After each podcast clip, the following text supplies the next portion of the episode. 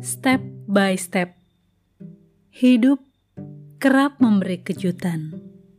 Banyak hal yang terjadi di luar ekspektasi, baik yang menyenangkan maupun yang menyedihkan.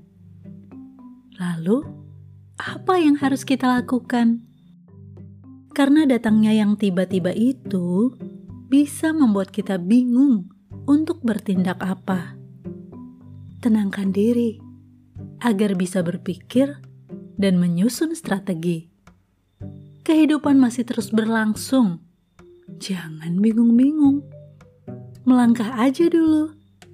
Satu langkah. Nantikan ada langkah berikutnya. Sampai tiba di tujuan, lalu kita bisa menengok kembali dan gak menyangka sudah berhasil berjalan sejauh itu.